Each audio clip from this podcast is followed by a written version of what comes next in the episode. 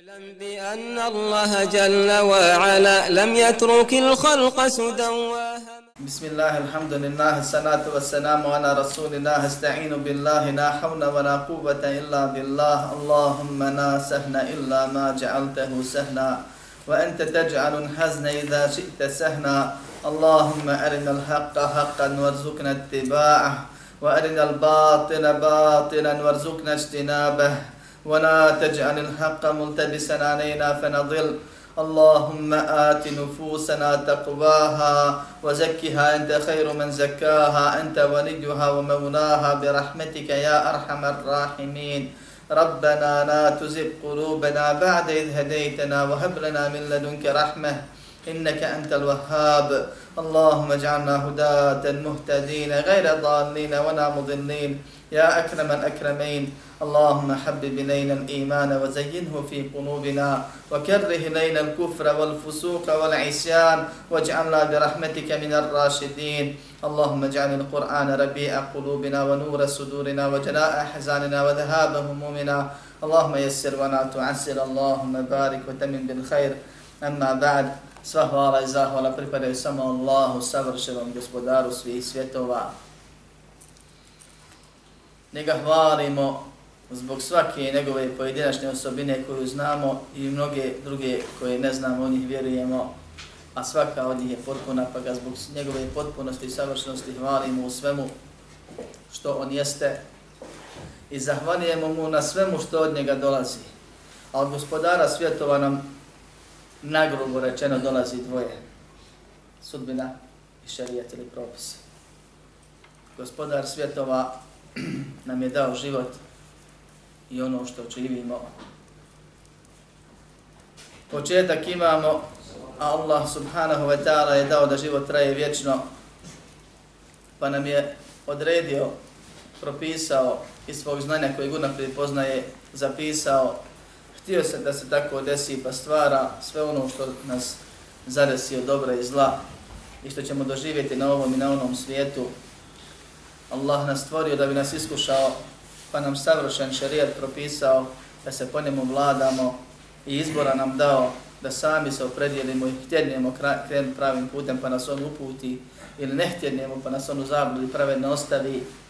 Pa šta god nas zadesi od dunjaluka ili sve što znamo od Allahovu subhanahu wa ta'ala šarijeta s kojim smo iskušani, mi samo možemo Allahu subhanahu wa ta'ala da zahvalimo na tome, jer je to prvo u našu korist, drugo produkt djelovanja savršenog koji pogriješiti ne može, nepogriješivog, tako da to mora biti nešto što je najbolje. Allaha subhanahu wa ta'ala moramo i trebamo svakodnevno oprosta da tražimo, jer pored bezbroj blagodati koji nas opasipa, mi mu uporno, stalno, svakodnevno, manje ili više griješimo. Od Allaha subhanahu wa ta'ala stalno, srcem i riječima pomoć moramo da molimo, da se na njega oslonimo, da se za njega vežemo, da od njega očekujemo, nadamo se i strahujemo, jer Allah subhanahu wa ta'ala ako nas ne pokrene mi ne možemo uraditi ništa. I Allah subhanahu wa ta'ala ako nas pokrene i htjedne i pomogne s njim sve mogućim, ništa nemoguće nije. Od Allaha subhanahu wa ta'ala najveću moguću i počast. Stalno i svakodnevno molimo i trebamo da tražimo i molimo bilo stvarenje ili povećanje. Od Allaha uputu tražimo jer koga Allah uputi napravi putome nema zablude. A koga Allah subhanahu wa ta'ala u zabludi ostavi tome nema ni pomagača ni upućivača kao što on uzvišenje u svojoj knjizi kaže. Zato iz ljubavi prema Allaha subhanahu wa ta'ala tražeći njegovo zadovoljstvo, strahujući od njegove kazne, nadajući se njegovoj nagradi, svjedočimo da nema drugog Boga sem Allaha, jedini je, nema sudruga, samo On je savršen, samo On gospodari, sve daje i oduzima i samo On smije i mora da se obožava i da je Muhammed sallallahu aleyhi ve sellem Allahov poslanik posljednji i njegov rob najbolji. I to svedočenje, ako hoćemo da nam koristi, mora biti ubježenjem, riječima i dijelima. Vjerujemo da je Allah savršen, da se samo on mora da obožava priznajemo to i tako se očitujemo i obožavamo tokom cijelog života samo Allaha subhanahu wa ta'ala nastići da mu se što više približimo. I vjerujemo da je Muhammed sallallahu alaihi wa sallam Allahov poslanik koji je od Allaha poslan, da ga je Allah odabrao i poslao nama s nečim, a to je poslanica u vidu Kur'ana i sunneta, to prihvatamo srcem, tako se očitujemo i kažemo da smo muslimani i moramo to dijelima da potvrdimo da Allaha subhanahu wa ta'ala obožavamo onako kako je poslanika poslao da nam pokaže i da se trudimo da što više od onoga što nam poslanik sam sve naređuje primjenimo, a ono što nam zabranjuje da što više ostavimo, tek tad ćemo kako treba vjernici da budemo i da se s pravom džennetu nadamo i da strah istinski od Allaha subhanahu wa ta'ala tim svojim dijelima pokažemo, pa ćemo, ako Bog da, da vječno u džennetu uživamo. A zatim nastavljamo sa komentarom Vasitijske akide, dijela gdje je šehud Islam rahimahullah spomenuo niz ajeta o razno raznim osobinama kojima se Allah subhanahu wa ta'ala u svojoj plemenitoj knjizi opisao, pa smo došli do dijela gdje Allah subhanahu wa ta'ala govori o sebi i obavještava nas da on subhanahu dolazi. Da će doći na sudnji dan da nam presudi. U mnogim ajetima u Koranu se spominje ova stvar. Šehhul Islam rahimahullah ovdje je spomenuo četiri ajeta od kojih su tri direktno na ovu temu, a jedan je indirektan, ali pomaže u razumijevanju cijele ove situacije, pa ćemo mi prokomentarsati uz Allahov pomoć ovo što je spomenuto, plus nešto još dodat od stvari i opisa koji su došli u Kur'anu i Sunnetu i koji su islamski učenjaci zabilježili bilo u tijelima hadijskim predajama ili u dijelama akideskim gdje je to pojašnjeno na osnovu razumijevanja kuransko-hadijskih tekstova, pa molim Allah da nam da bereketa u tome da se okoristimo. Allah subhanahu wa ta'ala je dao život i smrt da bi nas iskušao ko će ispravnije postupiti, kao što kaže الذي خلق الموت والحياة ليبلوكم أيكم أحسن عملا koji je dao život i smrt da bi vas iskušao ko će od vas bolje raditi. Živimo da bi provjereni bili, da bi iskušani bili, da bi položili. Allah nas poziva u džennet. Poziva nas da položimo. Pomaže nam. Želi da nam olakša, ne želi da nam oteža. Upućuje nas. Pojašnjava nam. Daje nam prilike raznorazne da se popravimo, pokajemo, izbršemo. Dakle, put do ženeta, iako je s jedne strane u smislu dunjaloškog dijela samo, to je jedan dio samo našeg života, mislim na ono što se tiče čistog materializma, popločan, trljen i iskušenjima, put do dženeta je olakšan put u osnovu. Jer mnoštvo je načina da se izbjegne ono što je Allah zabranio, a samim time i kazna, ili da se popravi greška i grije u koju čovjek eventualno zapadne, a svi griješimo i griješit ćemo, a najbolji griješnici oni koji se najviše kaju kao što je došlo u hadisu. Allah subhanahu wa ta'ala nas iskušava šarijatom i dunjalukom ili sudbinom. Daje ti dobro, pa te iskuša time da li ćeš zahvalan biti.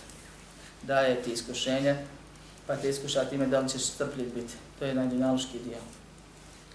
Oba, oba, oba, obavijestio ili objavio nam je naredbe koje moramo raditi. Pa ako odbijemo ili ne uradimo nešto, onaj ko to prizna da, je, da treba tako ne uradi, grijeh mu se piše i zaslužuje kaznu. A onaj ko neće da prizna da je takav propis, a čuje već da je objavljeno u Kur'anu i Sunnetu, taj izlaz iz vjere, da nas Allah sačuva toga. Također nam je objavio i propisao zabrane koji se moramo da klonimo, da pridržavamo pravila i tih gdje nam su zabranio raznorazne stvari, pa ukoliko prekršimo nešto od zabrana, isti se propis, isto pravilo primjenjuje. Ako priznamo da smo griješni, onda smo grešni. A ako bi se čovjek u zohlu rekao, na primjer, kao što kod nas kažu, grijeh ide iz usta, ne ide na usta, mogu ja šta hoću, nema ništa da je zabranjeno, sjede i pije. Onda su to riječi koje izvode izvjere da nas Allah sačuva toga. Međutim, iskušani smo naredbama i zabranama, dobrom i zlim, ili iskušenjima i blagodatima. Pa je na nama da gledamo kako ćemo da postupamo, ali Allah dao izlazi svih ovih situacija. Ovaj život traje, mislim, na dunjaluški dio, onoliko koliko je Allah zapisao. I to nije kraj. Nakon ovog, ove faze postoji zagrobni život ili život u kaburu, tako se zove, zato što običaj se ljudi kopaju u kabure, ali to je zagrobni život, jer duše ne boravi u onoj rupi, nego boravi na posebnom mjestu koji se Brzah zove, koji je pregrađen između Dunjaluka i Ahireta, pa duše dobri borave a ili ljonu bivaju upisani u tu knjigu čestiti i onda bivaju po nekim predajima na nebu u određenom mjestu. Duše loši bivaju upisane u Sitčin, a neki kažu da je to knjiga i mjesto gdje borave, a to je duboko ispod, blizu Džehennema, kao što je spomenuto nekim predajima, kao što tvrdi dio učenjaka. I ova dunjaluška faza traje koliko traje. Niko od nas ne zna tačno kad će da prestane. Ali znamo da onaj ko proživi pun i kome neki kažu ti se naživio, on se najviše smrti boji. S jedne strane što zna da mu je bliže po nekakvim običajima nego drugima, i s druge strane što ovaj život je takav, svi kažu kao da si ušao na jedna vrata i izašao na druga, sad sad prošao. Pa šta je suštini život? Broj dana. Kad jedan dan prođe, prošao je dio insana na ovom svijetu. I taj dan je dnevnica između tebe i gospodara. Kako ćeš je položiti, kako ćeš je predati. I cijeli život je jedna velika dnevnica gdje ćemo Allahu subhanahu wa dati na ocjenu pa da nam naplati, isplati. I naplatit ćemo ono što smo radili. Allah obećava da će to biti minimalno pravedno, a nekima će dati milost. Zakinut neće nikoga. Ali dovoljno je da znamo da za svaki grijeh koji uradimo, a ima ih puno, mi smo već zaradili džehennem. Jer je osnova za kažnjavanje, osnova je da je Allah stvorio džehennem za kaznu. Iako ima čišćenje na sudnjem danu, i čišćenje u kaburu, i čišćenje na dunjalu koji vidi iskušenja, to je Allahova milost. To su popusti gdje Allah dao i svoje milosti prilike. A mi grijeha imamo i imat ćemo, jer smo stvoreni da griješimo. Pa nema niko pravo da se bude siguran da Allahove kazne. I osnova je da znamo da je Allahova milost pretekla njegovu sržbu. I da ima pravo svako ko ima jedno dobro dijelo kako treba, a ima osnovu Islama, ne radi dijela koja ga izvode Islama, vjeruje, tevhid Allahu subhanahu wa ta'ala ispoljava, ispravno vjeruje, širka mu ne čini, namaz obavlja, to su minimumi. I ne negira ništa od zabrane naredbe za koje čuju. Osnova je da takav ima pravo da se nada da će mu Allah oprosti sve grije. Ali da ne bude siguran ni za jedan. Stoga je na nama da iskoristimo ovaj broj dana koji ne znamo ni koliki. I da se trudimo da se pripremimo za najbitniji dan u našem životu A to je dan proživljenja. Allah subhanahu wa ta'ala odredio da imaju dva kijametska dana. Prvi je kad ti melek smrti dođe, ti tebi je već kijamet gotovo je. I drugi je onaj glavni, kad melek drugi puta u rog puhne, pa svi progledaju proživljeni budu. Ljudi će umirati, a u sudnjem dan ćemo ovdje detaljno, ako bude detaljnije govoriti, jer ima čitava tema o tome od kabura preko ostalih stvari. Ljudi će umirati postepeno, pa će Allah odrediti kad sjedne da ukloni zemlju, da melek Israfil puhne u rok, pa će deti smak svijeta, pa će svi umrijeti. Monufiha fi suri, fa sa'iqa men fi samavati, wa men fi l'ardi, illa men ša Allah, puhnuće se u rok, pa će pomrijeti koji na nebesima i koji na zemlji, znači, či meleki ljudi, osim koga Allah izuzmi. Spomni da je to džennet, stranici dženneta, što hurije u džennetu, i neki ostao, ako ih imaju. Uglavnom ima neko. Da li su to oni koji svakako propisani da ne umiru, ili su to stvorene koja nemaju dušu, ili nešto drugo, stvar, dženeta, džehennema i tako dalje. Razili se učenjaci, nema jasno dokaz koji precizira i nije to bitno, znamo da se na nas odnosi ovo prvo, da ćemo pomijeti. Thumme nufiha fihi uhra, zatim će se drugi put puhnuti. Fa idahum qiyamun yanzurun, pa će oni, kaže, gledajući, stojeći gledati.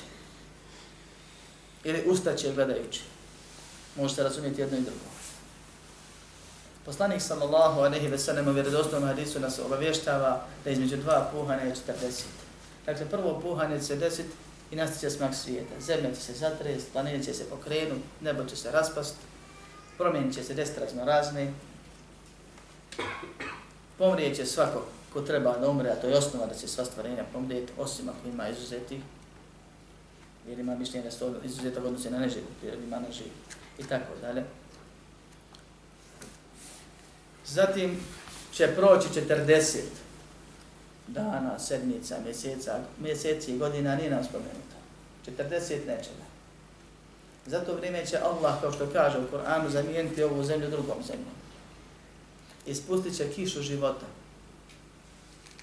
Pa će ljudi da niknu u svojim kaborovima ili svojih kabura. Na jedan od dva načina, jedan preciziran, razumije se jedno i drugo, pa se nama razilazi. Neki kažu će ljudi niknuti ko klas žita.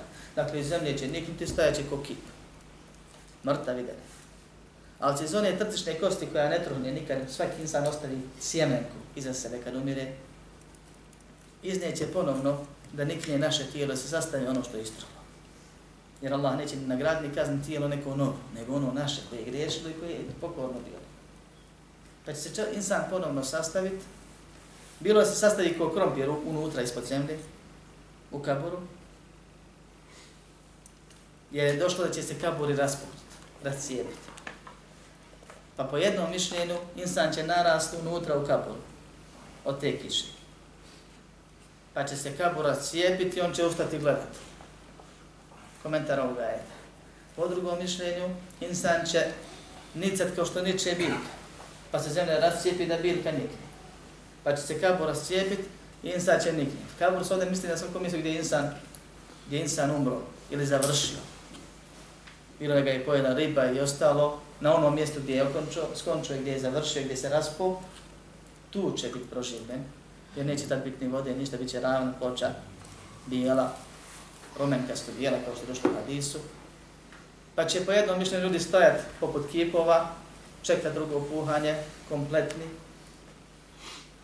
Po drugom mišljenju bit će unutra u kaburovima, čeka drugo puhanje, pa će nakon što prođe 40, drugi put se ulog puhnuti. Allah će narediti istom onom meleku koji prvi put puhne da puhne ponovno. Pa će ljudi progledati. I obazrat se oko sebe po onom prvom mišljenju i vidjeti masu ljudi koje znaju i koje ne znaju, koji nas je običaj i često je tako u svijetu bilo, da se čovjek upokopala pored svoje rodbine. S tim da mi ne znamo koliko puta su ta groblja prekopana i koliko prije neko nas tu ukopo i završe i tako dalje. Pa ćeš ti vidjeti poznate i mnoštvo nepoznatih ljudi i komšija za koje nisi znao da su tu s tobom. Pa će se ljudi pogubiti ko skakavci skočiti na sve strane letiti. Ostraha neće znaš šta ih je snašlo, nevjernici će reći teško nama ko nas proživi, ko nas probudi. Vjernici će reći kao što su Yasin hada ma va'dan Allahu sadaqa al-mursalun, ovo je ono što Allah obećao, istinu su govorili poslanici. Pa će biti metež do jednog momenta kada Allah da da određeni glasnik kaže što treba reći, pa će svi krenuti za njim i skupit će se na mjesto mahšera, mjesto skupljanja. Pa će Allah subhanahu wa ta'ala, kao što je došlo u Kur'anu i sunnetu, sastaviti sve ljude na jedno mjesto da budu blizu jedni drugom. I bit će određena dešavanja koje se nazivaju strahote sudnjeg dana i o tome će kažem biti govora u posljednim predavanjima ako Bog da. Ovdje je bitno da dođemo do ovoga što se spominje u ajetima večeras. Pa će Allah subhanahu wa ta'ala dati kad htjedne, nakon što prođe drugi niz godina, ili koliko vremena Allah htjedne, da se nebo raskukne i da ga bijeli oblaci probiju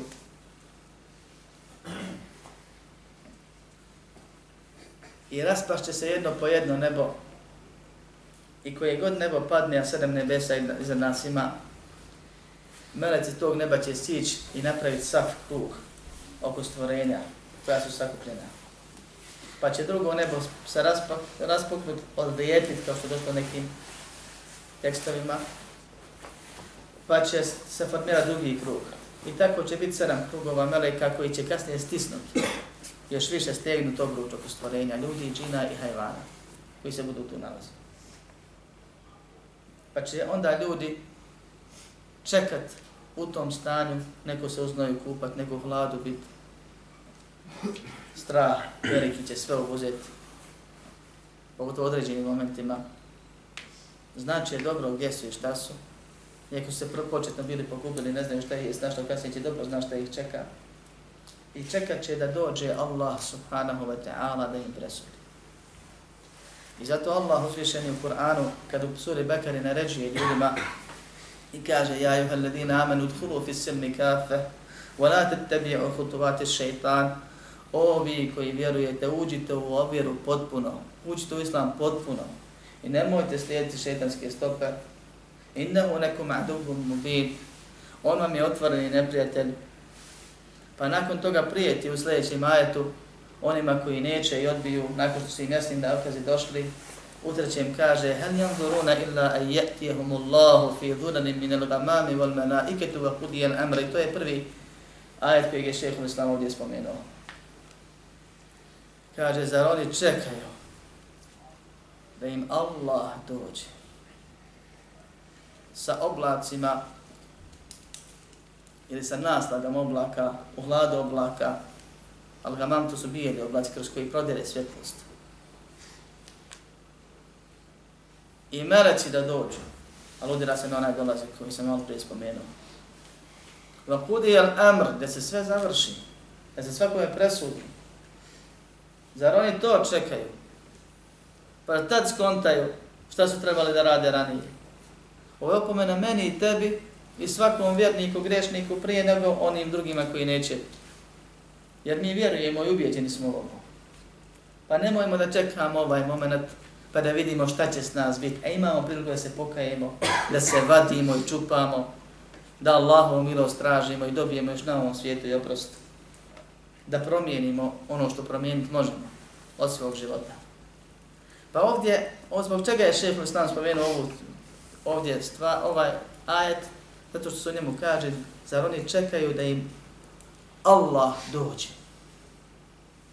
I Allah sebe opisuje i o sebi govori. Ovo je kuranski ajet. Allah je Kur'an govorio, izgovorio, citirao. I o sebi obavještava da će doći na sudnji dan. Što ova priča. Zato što su oni koji smo nazvali kelamisti, jer su dali prednost svom kelamu, svom govoru odnosu na govor Allaha i poslanika sallallahu a ve veseneme, negirali Allahovu osobinu ovu mogućnosti. Iskrivili ovaj ajet njegovo značenje. Rekli mi ćemo se bolje izraziti. Kažu ne smijemo vjerovati da Allah dolazi. Jer bi time vjerovali, kaže, neki pravdaju raz raznim Pa kažu to ukazuje na promjene. Allah se ne mijenja. Allah govori o sebi, Allah se ne mijenja, Allah je savršen bio i ostao. Ali kaže da dođe, dolazi onako kako njemu dolike i tu smo usvojeni. Kažu to ukazuje da Allah ima tijelo. Nigdje Allah ne spominje tijelo, spominje se njegovo biće, Allah ima biće. Ne kažemo tijelo, jer mi znamo šta je tijelo. A tijelo nije došlo tekstovima. Dakle, ovo ne ukazuje na to. Pa to znači ovo ili ono, šta god da znači znači da je istina ono što je Allah rekao, ne vi. On dolazi. Kako? Kako njemu dolikuje. Jel ovako ili onako, kako god zamisliš, nije tako. Što? Ne se kemitri i šej. Njemu ništa nije slično. Nego je potpuno, najbolje. Šta god da radi, a ovo je svojstva dijela, kad hoće to i uradi, kad hoće spusti se, kad hoće digne se, kad hoće doći i priđe, uradi to na najbolji mogući način, jer oni savršeni, on sve radi bez greške, on sve radi na. I Allah subhanahu wa ta'ala govori za sebe da dolazi i mi vjerujemo da Allah dolazi i ne smatramo to Bože sačuvaj manjkavost, nego potpunost. Jer Allah o sebi govori u potpuno u svakom smislu. I u svom biću, i u svojim osobinama, i u svojim dijelima. A ovo je njegovih dijela.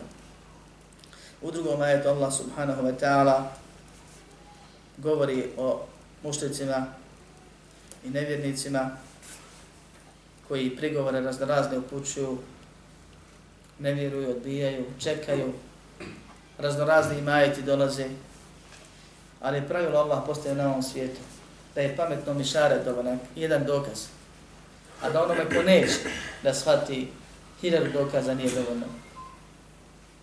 I više od toga, Allah i mjesec raspolutio, traži od poslanika Muhammeda sa svem, gdje nam raspoluti mjesec, ako istinu govoriš. Poslanik se zamolio Allaha, mjesec se razdvojio do te mjere da se brdo između njega ukazalo na dva dijela. Određeno vrijeme tako stajalo, pa se posle vratilo, kaže sad se pokazao sihr Muhammedu. Neće da vjeruje. Jer i Allah u Kur'anu, u Asuri Yasin, na drugim mjestima spomenje razlog što neće da vjeruje. Jednom kad odbiješ ili više puta, ako te Allah pusti, ako ti da drugu priliku. Ali jednom kad odbiješ jasan dokaz, kad odbiješ istinu, kad ono što se nudi, Allah subhanahu wa ta'ala zapečati srce. I nakon toga te niko uputiti ne može. Čitajte početak sure Jasin pa ćete vidjeti. Između ostalo i na drugim mjestima se spomenu. I zato Allah kaže Hal yanzuruna إلا أن تأتيهم الملائكة أو يأتي ربك أو يأتي بعض آيات ربك Šta oni drugo čekaju? Osim jedno od tri stvari. Da im dođu meleki, oni koji vade dušu, a tad je kasno za pokajanje, jer svi koji vide meleke povjerovat će. Zato što će melek nekom reći, izađi dobra, pokorna dušo, a drugome će reći, izađi nevjerna dušo, gdje si nevjerni. Gospodar tvoj na tebe srti. I ti onda znaš da nisi bio dobro. A kasno. Kaže poslanik sallallahu alejhi ve sellem in Allah yaqbalu tawbatan 'abdi ma lam yughargir. Allah prima teubu od roba dok ne zagrklja. Ne dođe duša dok ne dođe. Zakrklja, gotovo je onda kad vidi. Evo jeti rabbuk. Jel čekaju smrt? Jer čekaju da im dođe gospodar, kaže Allah uzvišeni. Misli se na ovo na sudnjem danu što sam spomenuo malo prije. Tad je gotovo, tad možeš samo čekat presudu, ti završio svoje. A ujeti je ba'du ajati rabbik, ili da dođu neki dokazi gospodara. Ovdje se odnosi na preznake sudnjeg dana kad počnu. Kao što je došlo u drugom hadisu, da Allah primate obu, dok ne izađe sunce sa zapada. Kad izađe gotovo. Jevme jeti ba'du ajati rabbik, nastavlja gospodar isti u istom ovom, ovoj suri, ajete, dalje ovaj ajet, kad dođu neki ajeti ili znakovi ili dokaze od gospodara, la yanfa'u nafsan imanuha lam takun amanat min qabl neće, kaže, duši koristiti. Neće čovjeku koristiti vjerovanje ako nije vjerovao prije. Kad počnu preznati sudnjeg dana. Jer oni koji neće da vjeruju, za koje Allah kaže, opominjao ih ti ili ne, oni neće da vjeruju, oni će se uvjeriti samo u ova tri slučaja. Sve, ili jednom od ova tri slučaja. Neko će umrijeti kad mu dođe meleci, a neko će umrijeti kad, kad bude smak svijeta. I svi će sačekat i dočekat da im Allah dođe i presud. Pa ova tri slučaja, tad vjeruju, ali tad vjerovanje ne koristi. I Allah ih ne pominje, ako su još živi, on je među njima koji hoće da uputi, nakon što je rekao da većina njih ne vjeruje, kaže, zar čekaju jednu od ti tri stvari. I u ovom ajetu se jasno kaže, ili da dođe tvoj gospodar. Što nam govori da gospodar svjetova ima osobinu da dolazi i gospodar svjetova na sudnjem dan će da dođe. U sljedećem ajetu, odnosno četvrtom prijećemo na njega, jer u njemu se ne spominje direktno dolaza gospodara, nego se aludira, ali se pojašnjava ovaj slučaj. Kako će to biti, šta će biti, ono što sam rekao u uvodnom dijelu. Kaže gospodar svjetova, nakon što u suri Furqan opisuje da oni koji ne vjeruju i svoje oholosti kažu zašto nam ne siđu meleci, zašto nam Bog ne dođe. ako hoće da u njeg vjerujemo. Pa kaže Allah subhanahu wa ta'ala, jevme je ravna malaikte, la bušra jevme ide min muđrimi. Kad vide dan, kad vide meleke, neće im biti drago tog dana. Ako su bili mučnimi, ako su bili zločinci, griješnici. Neće im biti drago. On prezivaju nešto što im neće biti drago. Kad vide Allaha na dan, neće im biti drago. Pa spominje dalje da će im Allah uprah djela pretvoriti. Pa kaže da će stanovnici dženeta jedini tog dana sretni biti. Da će biti najbolji položaj, najbolje riječi, će slušati govoriti, da će jedini uspjeti. Pa onda kaže ovo, وَيَوْمَ تَشَقَّقُ السَّمَاءُ بِالْغَمَامِ وَنُزِّلَ الْمَنَائِكَةُ تَنْزِيرًا الْمُلْكُ يَوْمَ إِذِنِ الْحَقُّ لِلرَّحْمَانِ وَكَانَ يَوْمًا عَلَى الْكَافِرِينَ عَسِيرًا Na dan kada se nebesa raspuknu, rascijepe, raspadnu oblacima ili sa oblacima, da se desi to pucanje, pojavit će se oblaci. Ili će oblaci biti sebe tog pucanja, može se jedno i drugo razumjeti. Oni oblaci koji su ponijeti u prethodnom ajetu. وَنُزِّنَ الْمَنَائِكَةُ تَنْزِينَا I kad meleci budu spuštani da okruže robove i da spremno u safu dočekaju gospodara svjetova tog veličanstvenog dana. El mulku jevme idin el haqqu lir rahman. Toga dana će stvarna vlast biti čija? Ovdje kaže ne kaže Allahova ne kaže vladareva on istinski ne kaže svemoćnog da nas još više plaši nego kaže svemilosnog i u mnogim momentima gdje Allah subhanahu wa ta'ala opisuje najteže događaje spominje svoje ime svemenost. Jer pravi vjernik da smo kako treba i da su nam srca čista i da istinski čitamo ovaj govor kao da se Allah nama direktno obraća i da razumijemo ovo što nam se govori i da pokušaš sebi dočarati taj događaj, tebi bi srce od straha puklo, pa te Allah tješi i kaže svemilost. Je zaista toliko i treba da se plašimo. Tog dana, najbitnijeg dana dana kad ćeš vidjet svog gospodara, a ne ti biti drago da ga vidiš. I to je moguće i na ovom svijetu da nešto voliš, a da ti ne bude drago da to vidiš. Pa nema sumnje da svako dijete voli svoju majku. Ali kad nešto ozijani, zgriješi, pa kad ga majka zove ljuta, onda on volio bi da negdje pobije. Vjernici voli Allaha uzvišenog. I najveći užitak kojeg možemo osjetiti tjelesno i duševno će biti gledanje u Allahu subhanahu ta'ala lice u džennetu. Ali na sudnjem danu da insan može pobjeći pobjegao. I zato se prenosio sahaba da su govorili, volio bi da sam kamen, da sam tica, da sam drvo da me neko posjeće, da ne moram proživljen biti račun polagan. Toga dana će, kaže, vlast biti sve u, u rukama svemilostnog, tako izrazim, a bit će to težak dan nevjernicima. Nakon toga vratit ćemo se na treći ajet, pa uskoro i zaključiti ovaj ders sa porukama. Allah subhanahu wa ta'ala nakon što u suri Fajr opisuje osobine nevjernika i spominje da između ispravnog vjerovanja i ispravnog ponašanja postoji direktna veza. Ne možeš biti dobar, a dobro ne raditi. Ne možeš biti ispravan, a loše se odhoditi. Što ispravnije i bolje vjerovanje, to ispravnije prema rabu djelovanja, robovanja i bareti i to ljepše ponašanje. Pa je mnoštvo Kur'ana, pogotovo u Amel džuzu, zadnjem džuzu onih sitnih, kuranski ajeta i sura, u Kur'anu mnoštvo dokaza u kojima se spominje veza između vjerovanja i djelovanja. Pa tamo ih opisuje da ne pomažu siromašni, da ne vode brigu o jetimima, da ne postiču sebe i druge da hrane one koji su potrebni i tako dalje. A nakon toga kaže, kella, ne mora tako. Iza dukketil ardu dekken dekka. Kad se zemlja jednim za drugim potresom zatrese. Kad se zemlja počne trest. Pa nikad stat. Do te mjere će se trest. Da će se i planine pokrenuti. Pa će ljudi reći šta je ovo je. Pa će se sve zdrobiti, jedno s drugim sudariti.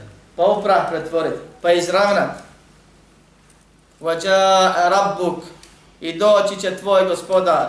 Wa meleku saffen saffa, a je već red do reda. Onako kako je opisano u hadisima. Posafani, već čekaju. Vađi a jevme idim bi jahannam. Kaže, doći će gospodar, zbog toga je še spomenuo ovdje to. I to smo naučili. Dovešće se toga dana džahennem Jevme idi je te zekjaru insanu wa enna lehu tikra. Toga dana će se čovjek sjetit. A na šta mu je sjećanje? Što ima od toga što se sjeti? Šta će se sjetiti? Jakulu ja lejteni kad demtu li hajati. Reći će da sam se Bogom za svoj život spremao. Pa znači je život živio? Naš život je ono tamo. Jer ovo će ovdje ostati. Ko radi za ono tamo, radi za život svoj. Ko radi samo za ovo, radi za svoje nasljednike i radi protiv sebe. Jer doći će ponovno u svoj život, ali neće naći osim zlo.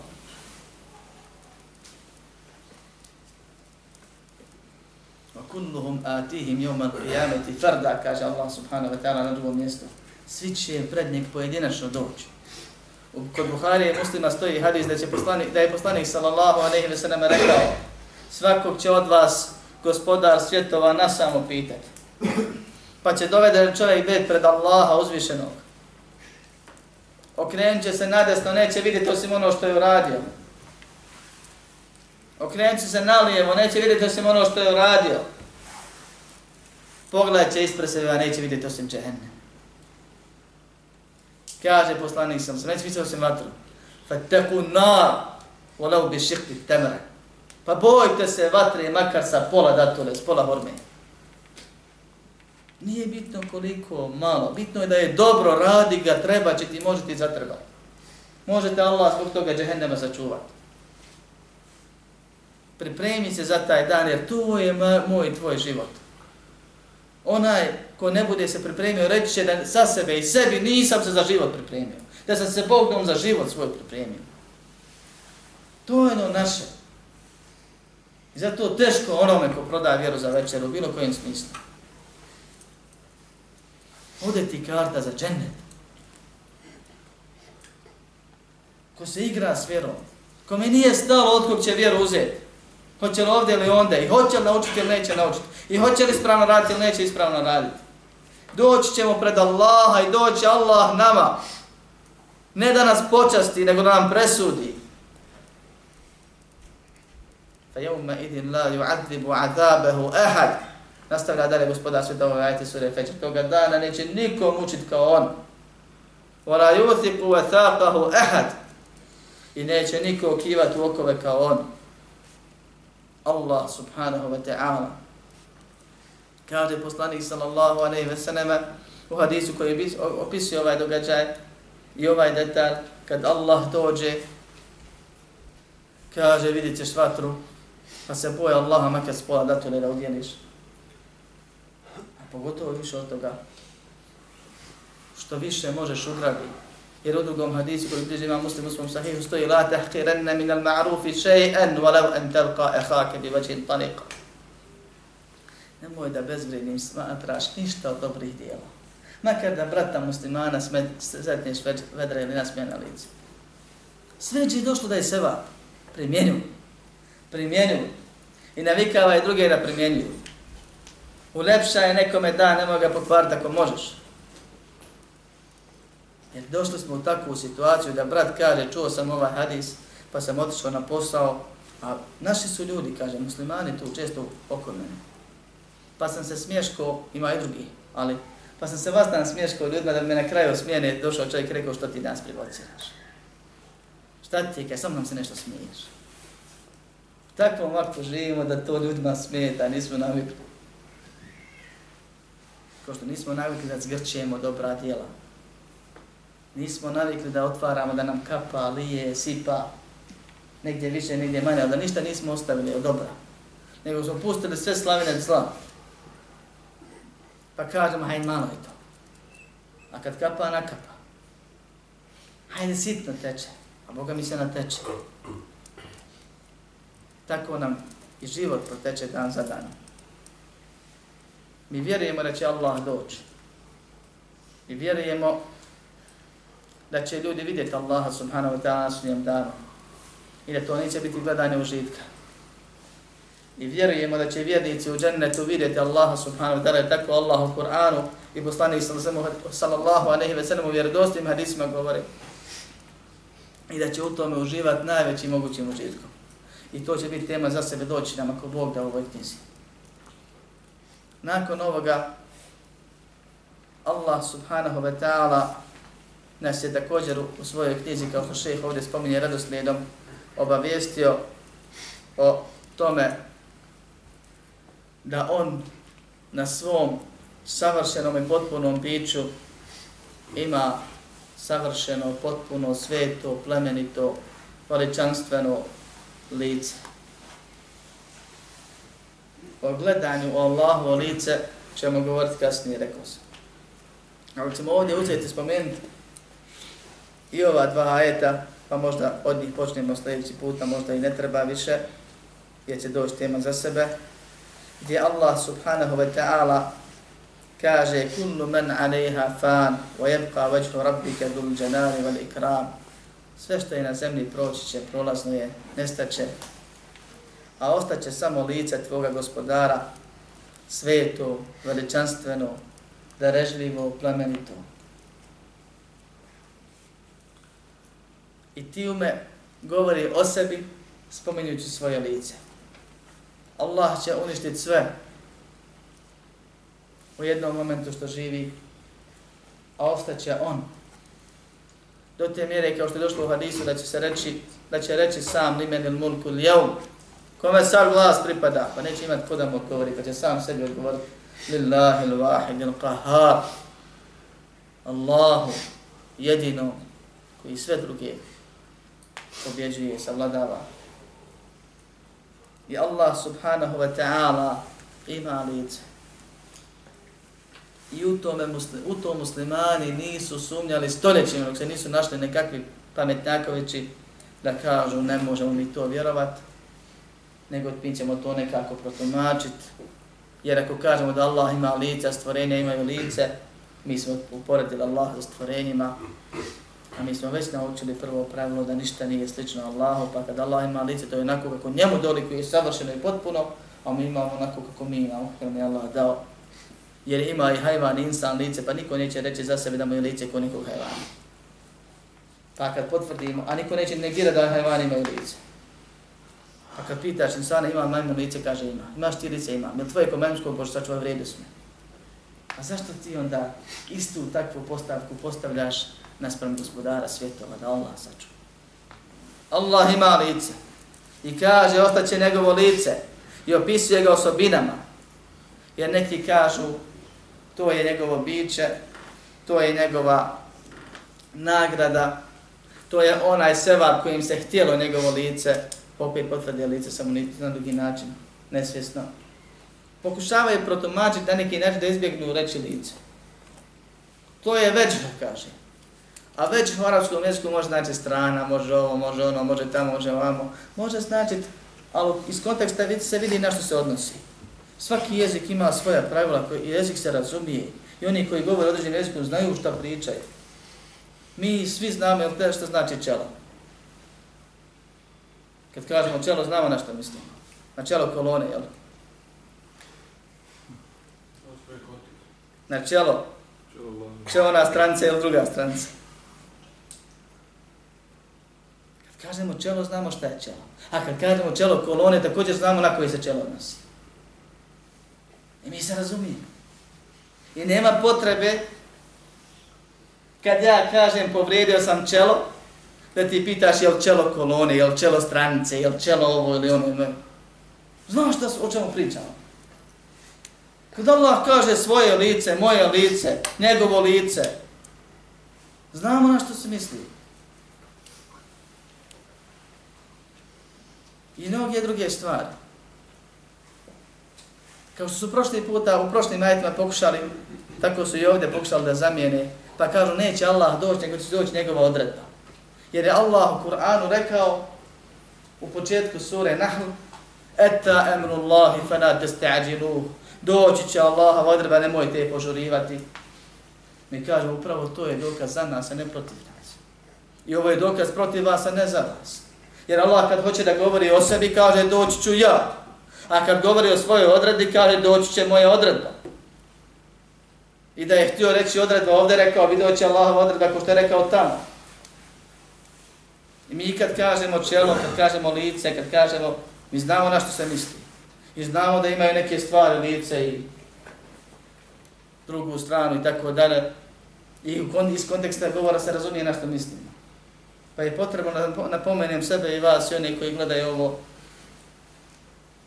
da je bitno da se vjeruje Allahu isto koliko vjerujemo Allah. Allah kaže doći, ovaj, ostaće njegovo lice i to je opet ono što mi kažemo jezička kultura, jer Arapi kažu i mi kažemo, kad prijeti insan, insanu kaže smrskat ćemo facu, to ne znači da će ga udarati samo u lice, neće u druge dijelove, nego htio da istakne nešto. Kaže, počupat će joj kosu.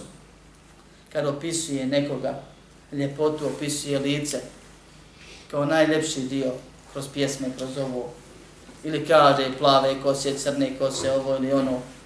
To ne znači da nema ništa osim samo kosu, da on voli kosu, ili ne znam nija šta, nego ističe ono što je bitno njemu u tom momentu što je lijepo i tako dalje. Spominje tebe, govoreći o jednom tvom dijelu, bilo u pozitivnom ili negativnom kontekstu. Allah subhanahu wa ta'ala spominje sebe, da će samo on ostati, a sve drugo nestati. I ističe jednu svoju osobinu svog bića. Napominje na svoje lice, jer od nas traži da radimo za gledanje u njegovo lice. I to je najbolji nijet kad radiš neki sevat. Da te Allah počasti da gledaš u njega, o tome ćemo ako Boga govoriti koliko je to bitno i koliko je to lijepo. Kad dođe tema za to. I ovo ne znači ko što neki su pomislili da će ne Allah ili ne uto billah dio Allaha nestati, samo lice ostati. Nego nam Allah kroz ovaj ajed govore će on ostati i još nas podučava da on ima lice i da je to bitna stvar za nas. I da je to lice opisano osobinama. Da je to lice veličanstveno, dhul džalala. Da je to lice uzvišeno. I da je to lice ikram. Da je to nešto što je samo po sebi, gospodar svetova govori o sebi, da je on darežljiv, da je on plemenit i da ga treba, da je on onaj koji časti i čast ukaža, ukazuje onima koji su mu pokorni, pa je pripremio džennet i sve ono što je u džennetu, što se ne može kupiti ničim, za poko, da počasti pokorne robove. Istovremeno znači da Allahu treba čast ukazati u svakom smislu i da ga ne treba provocirati, srditi, što smo govorili prošli put. Jer je onaj, on, onaj koji svu čast zaslužuje jedino i svu počast. I to je ostalog znači je tahijatu lillahi, kad učimo tahijatu, ne prve dvije riječi. Na drugom mjestu kaže kullu shay'in halikun illa vajhe sve će u helač otići, sve će biti upropašteno osim njegovo lice, pa opet govori o sebi u ovom istom kontekstu. Potvrđuje gospodar svetova sebi lice. Poslanik sallallahu anehi veseleme u vjerodostojnim hadisima, od kojih ćemo spomenuti jedan iz muslimovog sahiha, nema sumnje u njega, kaže, opisujući gospodara svetova u završetku jer smo odužili, kaže hijabuhu nur, لو كشفه لأحرقت سبحات وجهه من انتهى إليه بصره من خلقه on ima zastor ko Allah uzvišen od svjetlosti koje kada bi otkrio lepota i svjetlost veličina i svetost veličanstvenost njegovog lica sve ovo znači subhat pre svega lepota i svjetlost njegova lica bi spržila sve ono dok dopire njegov pogled, da on Allah sve vidi. Kad bi Allah trenutno otkrio svoj grtač, koji je dao kao zastor među sebe i stvorenja, da ga ne vide, stvorio ga. Svjetlost i lepota njegovog lica bi spržila sve što se vidi. Što on vidi? On vidi sve, sva stvorena bi nestala. I pored toga kad Allah tjedne, daći će stvorenjima, stvorit će u stvorenjima snagu da mogu da podnesu gledanje, pa će to biti gledanje srđbe za onoga koga Allah sretne sa srđbom na sudnjem danu i gledanje straha od strane robova. I bit će to gledanje milosti od strane Allaha za dženetlije kad ih bude gledao.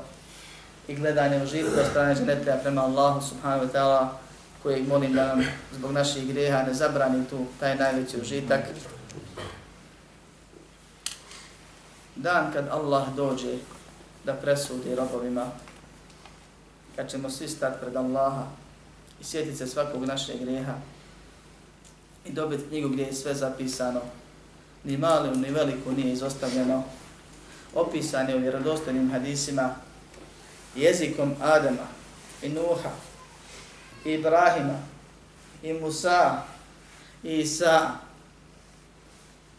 kao dan kada će se Allah subhanahu wa ta'ala rasrditi takvom srđbom da neće biti tako srdit nikad, nije bio nikad ranije, ni će biti ikad kasnije. I za taj dan se islam, insan treba islamom pripremiti i pripremati. Da naučiš šta se od tebe traži. Da stalno budeš vezan za neku vrstu znanja da bi se posjećao na Allah. Da stalno budeš u vidu obaveznog ili dobrovoljnog zikra. Da misliš na Allah subhanahu wa ta'ala. Da se čistiš. Da od Allaha svakodnevno oprost tražiš. Da ti je na umi ovaj dan više nego što su ti na umi preznaci sudnjeg dana. Jer ima ljudi koji se bakću godinama ista pitanja postavljaju, je li prvo Mehdi, ili je prvo ovaj, ili je prvo onaj, sad će, hoće li sunce prije izaći, ili će biti ovo, ili će biti ono, te dane će doživjeti neko, te momente kad se desi smak svijeta, a sudnji dan će doživjeti od nas svako. Da upoznaš detalje sudnjeg dana, to ti je nešto najkorisnije. Nakon što poznaje Allaha subhanahu wa ta'ala. Znaš njega, kroz njegove osobine, znaš šta od tebe traži i znaš kakav te dan čeka, pa ćeš se ako Bog da za to da pripremiš. Ako krene Allah ka pomogne. Ako neće Allah ka odmogne, tako što ga prestane pomagati, samo on sam ne može. I nikomu drugi pomoć ne može. Pa molim Allah subhanahu wa ta'ala da nas poživi kao iskrene ispravne muslimane, usmrti kao iskrene ispravne oni, one s kojima je zadovoljan da nas proživi kao takve. Molim Allah subhanahu wa ta'ala dok živimo uz njegovu pomoć i uputu stalno sebi i drugima povećano dobro činimo. A kad preselimo na smrtne muke budu zadnje muke koje osjetimo, molim Allah da džehennema sačuvani budemo i da ga u džennetu uživajući gledamo. Amin. Walhamdulillahi rabbil alamin. اعلم بأن الله جل وعلا لم يترك الخلق سدى